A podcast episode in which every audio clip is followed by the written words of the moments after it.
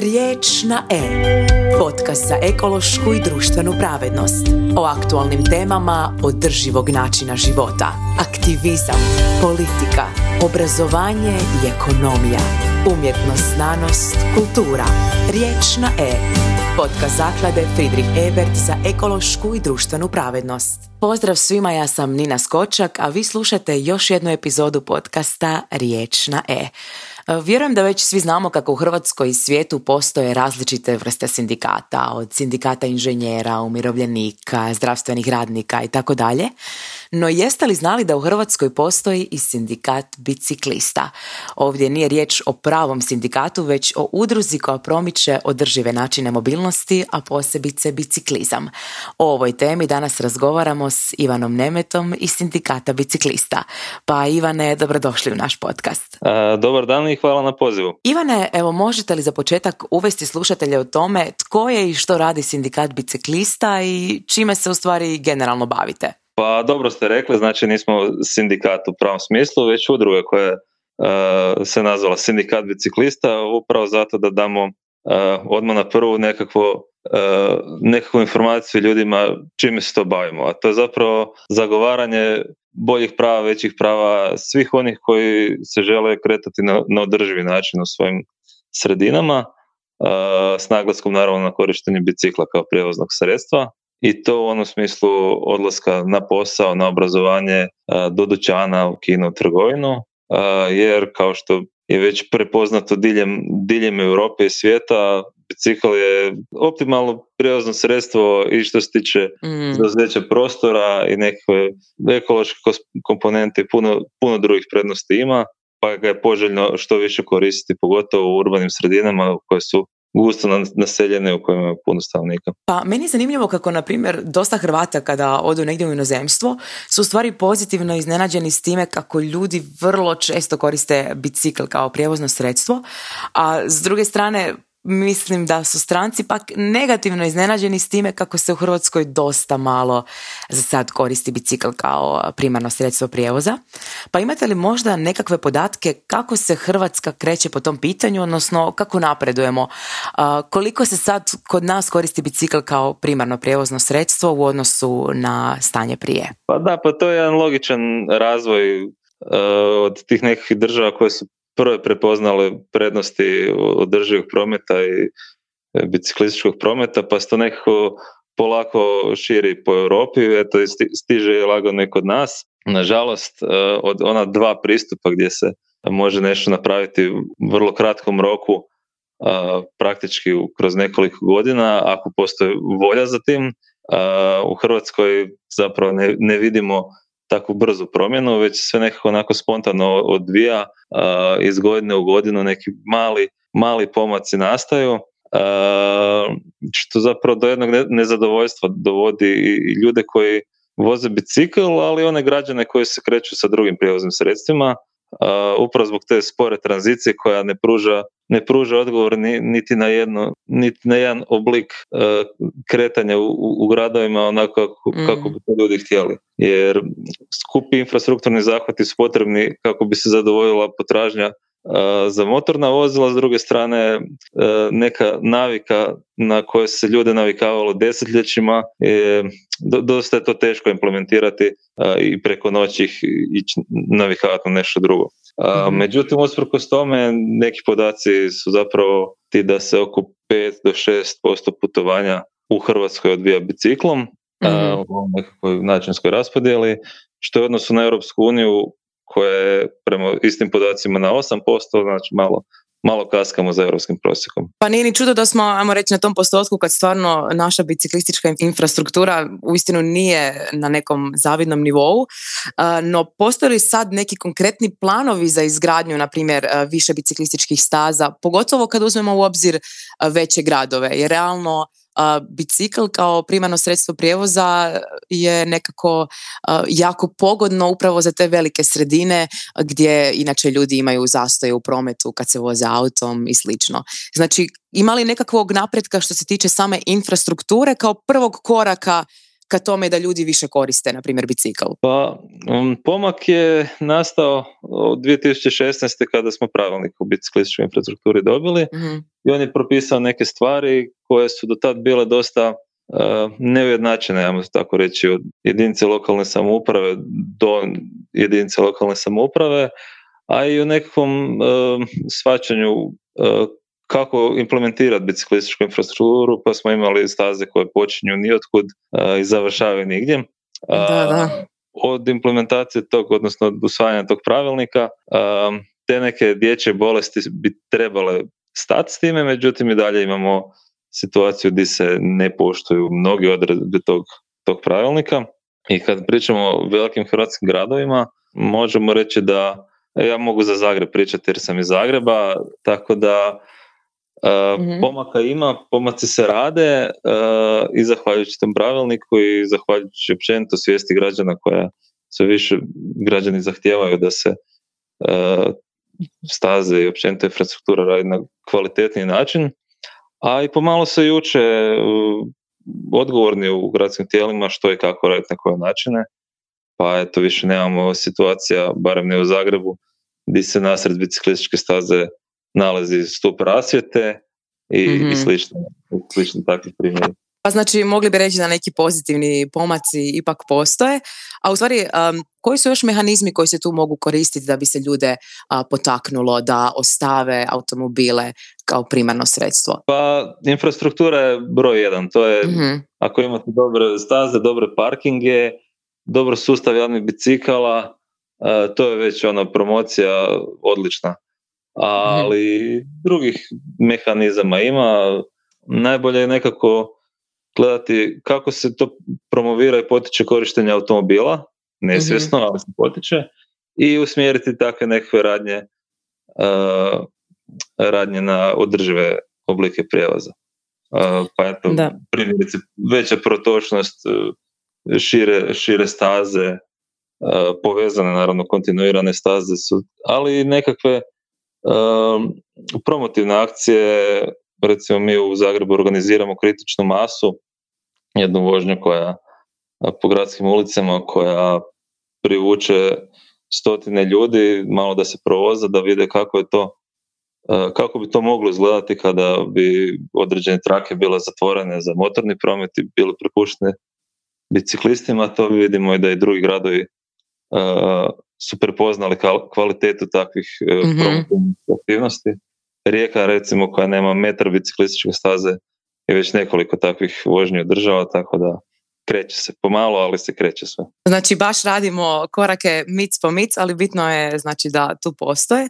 Da, A po, postoji neki grad znači, u Hrvatskoj e, koji je baš napredan po tom pitanju? Sad ste rekli da Rijeka, na primjer, nema niti jedan metar biciklističke staze, što ajmo reći nije čudno za Rijeku budući da je to grad koji je dosta, možemo reći, sve se kreće prema gore u Rijeci. No što je sa drugim gradovima? Ima li neki grad, na primjer, baš dobru biciklističku infrastrukturu u Hrvatskoj? to zapravo ovisi iz perspektive iz koje gledate. Neko ko dođe iz nekog grada koji možda nema metra, uh, biciklističke staze u Zagreb, onda će prvi komentar biti kako je ovdje super. Da, to je istina, da. a kao što ste rekli, stranac dođe pa se čudi, ne može vjerovati da staza prestaje nasred nogostupa da. i ne voli dalje. Uh, treba istaknuti sjeverne gradove, mhm. tipa e, Koprivnica, uh, gdje je biciklistički, općenito vožnja bicikla nekakva kultura koja se gaje već ono, desetljećima i bez infrastrukture i bez svega, e, tako da je logično da tamo nekako onda se radi infrastruktura, a sad možemo ulaziti u detalje, je to dobro, jel to nije dobro, imamo primjere Eh, velikih propusta i, i loših, loših zahvata eh, su, koji su rađeni i obilježavanja staza koje nisu skladani ni sa pravilnikom niti sa, sa zdravom mhm. pameti, ali kao što, što govorimo od početka sada ovog razgovora, kreće se sve malo po malo i napredak se vidi. A imate li nekakav europski model, neki europski uzor koji smatrate da je iznimno uspješan? Mislim, ovdje pretpostavljam možda da bi neki nizozemski grad mogao parirati najbolje po tome, ali ne znam, možda stvarno postoji neko iznenađenje u, ovom, u ovoj sferi. Uh, iznenađenja ima puno.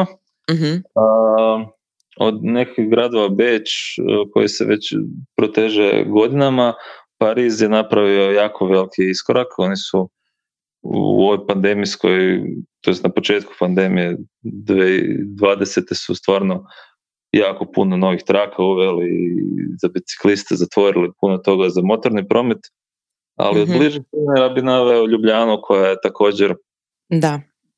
preko noći došla u mislim, top 10 svjetskih gradova za vožnju bicikla, tako da Može se, može se sve brzo i jednostavno, ali potrebna je odlučnost, hrabrost. To je baš dobar primjer, jer realno Ljubljana je jedan grad koji je nama vrlo blizu i ima nekako slične i povijesne i društvene okolnosti. Tako da ako imamo ovdje odmah na našem pragu primjer jedne Ljubljane koja je vrlo uspješna po tom pitanju, znači da stvarno i mi možemo napredovati napredovat po tome.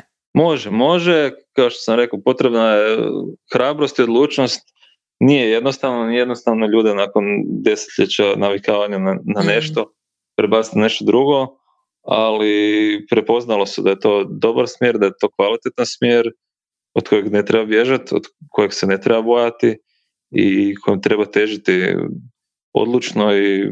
Pa nekako mi se čini da su to prepoznale i ove nove generacije političara, jer ako uzmemo primjer novog zagrebačkog gradonačelnika Tomaševića, on, na primjer, promovira taj biciklizam na način da on sam dolazi na posao svojim biciklom, dok smo do sad nekako se navikli na te druge političke strukture koje su dosta ulagale u skupe, luksuzne automobile i tako dalje.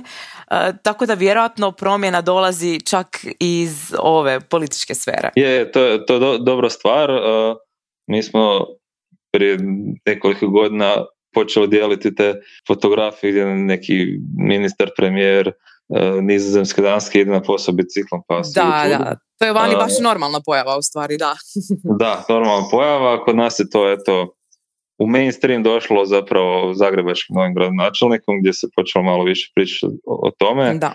Pa su čak i neki drugi političari vrlo bili skeptični oko toga, je li to stvarno, je to samo nešto, ali može se, mislim, bicikl. Eh, neko je spominjao da je, da se puno vremena potroši, da auto služi kao ured eh, na biciklu, mhm. da se ne mogu obavljati neke operativne stvari, ali zaboravlja se da je to vid rekreacije, ako automobil može zamijeniti ured, bicikl može zamijeniti neke sportske aktivnosti.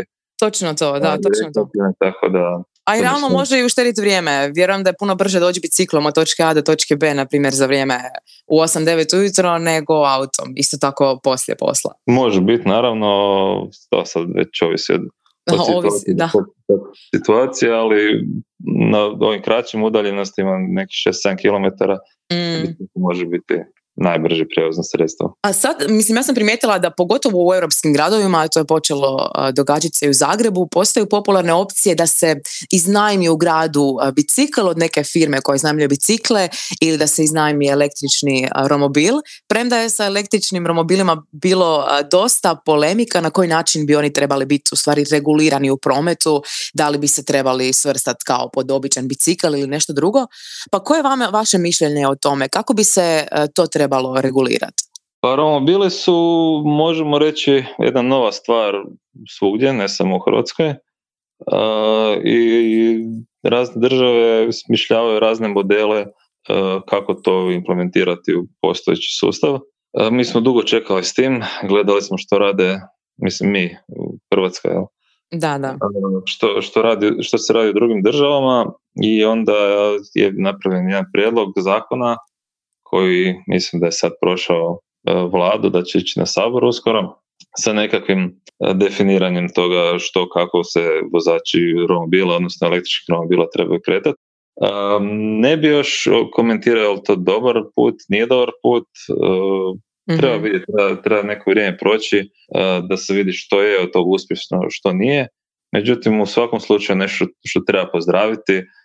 Romobili su kao i bicikli, nešto što jako malo prostora zauzima, što ne radi buku, što ne onečišćuje okoliš ispušnim plinovima, e, tako da u svakom slučaju podržava taj oblik prijevoza uz biciklistički promet i javni prijevoz kao nekakvo, mm sredstvo za, za, urbane, za kretanje u urbanim sredinama. Ali to mi se čini vrlo praktično, pogotovo ta opcija da se može iznajmit na primjer, romobil ili bicikl za na pola sata, 15 minuta, koliko god čovjeku treba, da iako, na primjer, čovjek nema svoj vlastiti bicikl, može ipak uzet taj iznajmiti bicikl koliko mu treba platit eh, koliko već 10-15 kuna i to je to. Znači više nam nije ni potrebno imati vlastiti bicikl ni vlastito to sredstvo prijevoza, nego uistinu to postaje dosta praktično. Barem se meni čini. Tako je, i ne samo to, to je odličan način za uh, razvoj integriranog prijevoza gdje da, vi da, da. živi u primjerice Jastrebarskoj ima sustav jednog bicikla, može doći na vlak ili autobus autobusom odraditi jedan dio putovanja i u Zagrebu nastaviti biciklom do krajnjeg odredišta. Da. To je stvar koja odlično funkcionira i koju treba e, dodatno razvijati ne samo u središtima gradova kao mm. nešto služiti od točke A do točke B, nego baš kao dio jednog duljeg putovanja, intermodalnog putovanja. Primijetila sam da jedna od tema kojom se vaša udruga bavi i pitanje prava biciklista. Da tu u stvari postoji dosta prijepora oko toga ako dođe do neke nesreće, da li je u pravu bio biciklist, vozač, pješak i tako dalje. Pa možete li upisati e, neke slučajeve u kojima su prava biciklista ugrožena i kako postupiti u takvim slučajevima? Da, ja bih tu prvo istaknuo da moramo pričati o pravima građana, ne sad biciklista. Da, naravno, da. E, koje zakon zakon štiti bolje ili lošije. E, često se proziva bicikliste kao da je to neka skupina odgovornih ili neodgovornih građana, pa oni sad jurcaju nogostupima, ugrožavaju druge sudionike. E, ja se moram ograditi od onih građana koji svojim ponašanjem u prometu ugrožavaju druge sudionike. Mm-hmm. Ali kada pričamo o građanima koji voze bicikle, e, puno je građana koja to ne radi, nego voze na način na koji je to moguće, a pokraj nepropisne infrastrukture i zakona koji nisu dovoljno jasno e, definirali neke situacije, e, to nije moguće raditi na propisan način. Mhm. Ali samim time što vi nepropisno se krećete, e, niste odmah ugroza sebi ili drugima. Ja sam primjerice dobio kaznu za vožnju bicikla po kolniku, gdje je ograničenje vrlo malo, gdje je ono, malo vozila ide uspornici su postavljeni, ali sam dobio kaznu jer se nisam vozio po biciklističkoj stazi koja s druge strane je isprekidana, ima rubnjake i tako, ono, puno, da, puno nedostataka, ugrožuje sebe svoj bicikl. I onda kada je takva situacija gdje sjedite na, kao udruga, kao građana na sastanku s nekim ko e, donosi takve zakone pa se složite oko nečega, onda sjednete na sastanak s nekim ko provodi te zakone pa e, jedni imaju drugačije mišljenje, drugi drugo. E, puno je situacije se zapravo krivnja može svaliti na onog krajnjeg, krajnju osobu, odnosno korisnika i da mm zapravo pašta zbog toga što cijeli sustav zanemaruje neke da neke stvari. Ne znam u kojim novinama je objavljen taj neki slučaj gdje je čak možda, mislim, došlo do nekog smrtnog ishoda u nekoj nesreći i sad se tu ne zna tko je tu bio kriv, tko nije poštivo pravila, koga bi se trebalo okriviti i tako dalje. Doistinu može doći do komplikacija u takvim slučajevima, a teško je u stvari utvrditi tko je bio krivac u tom slučaju. Pa da, to je problem, to te ste nekih stavki u zakonu koje onda e, su podložne slobodnoj interpretaciji. Da i imamo onda ne samo građane, već e, i institucije koje slobodno tumače neke stvari, mm. ne mogu pridržavati slova zakona koje nije dovoljno jasno napisano. Evo i Ivane, možete nam još za kraj reći što bi vi izdvojili kao top nekoliko prednosti zašto bi osoba e, trebala koristiti bicikl kao svoje primarno sredstvo prijevoza?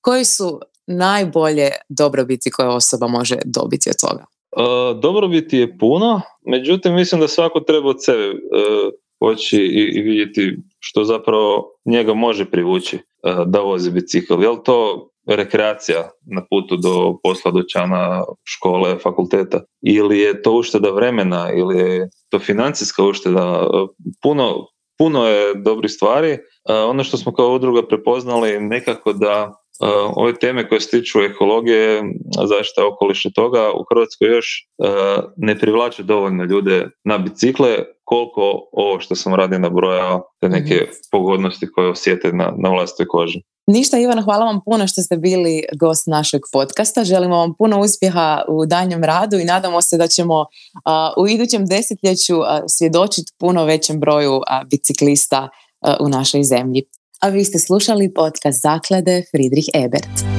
Riječ na E. Podcast Zaklade Friedrich Ebert za ekološku i društvenu pravednost.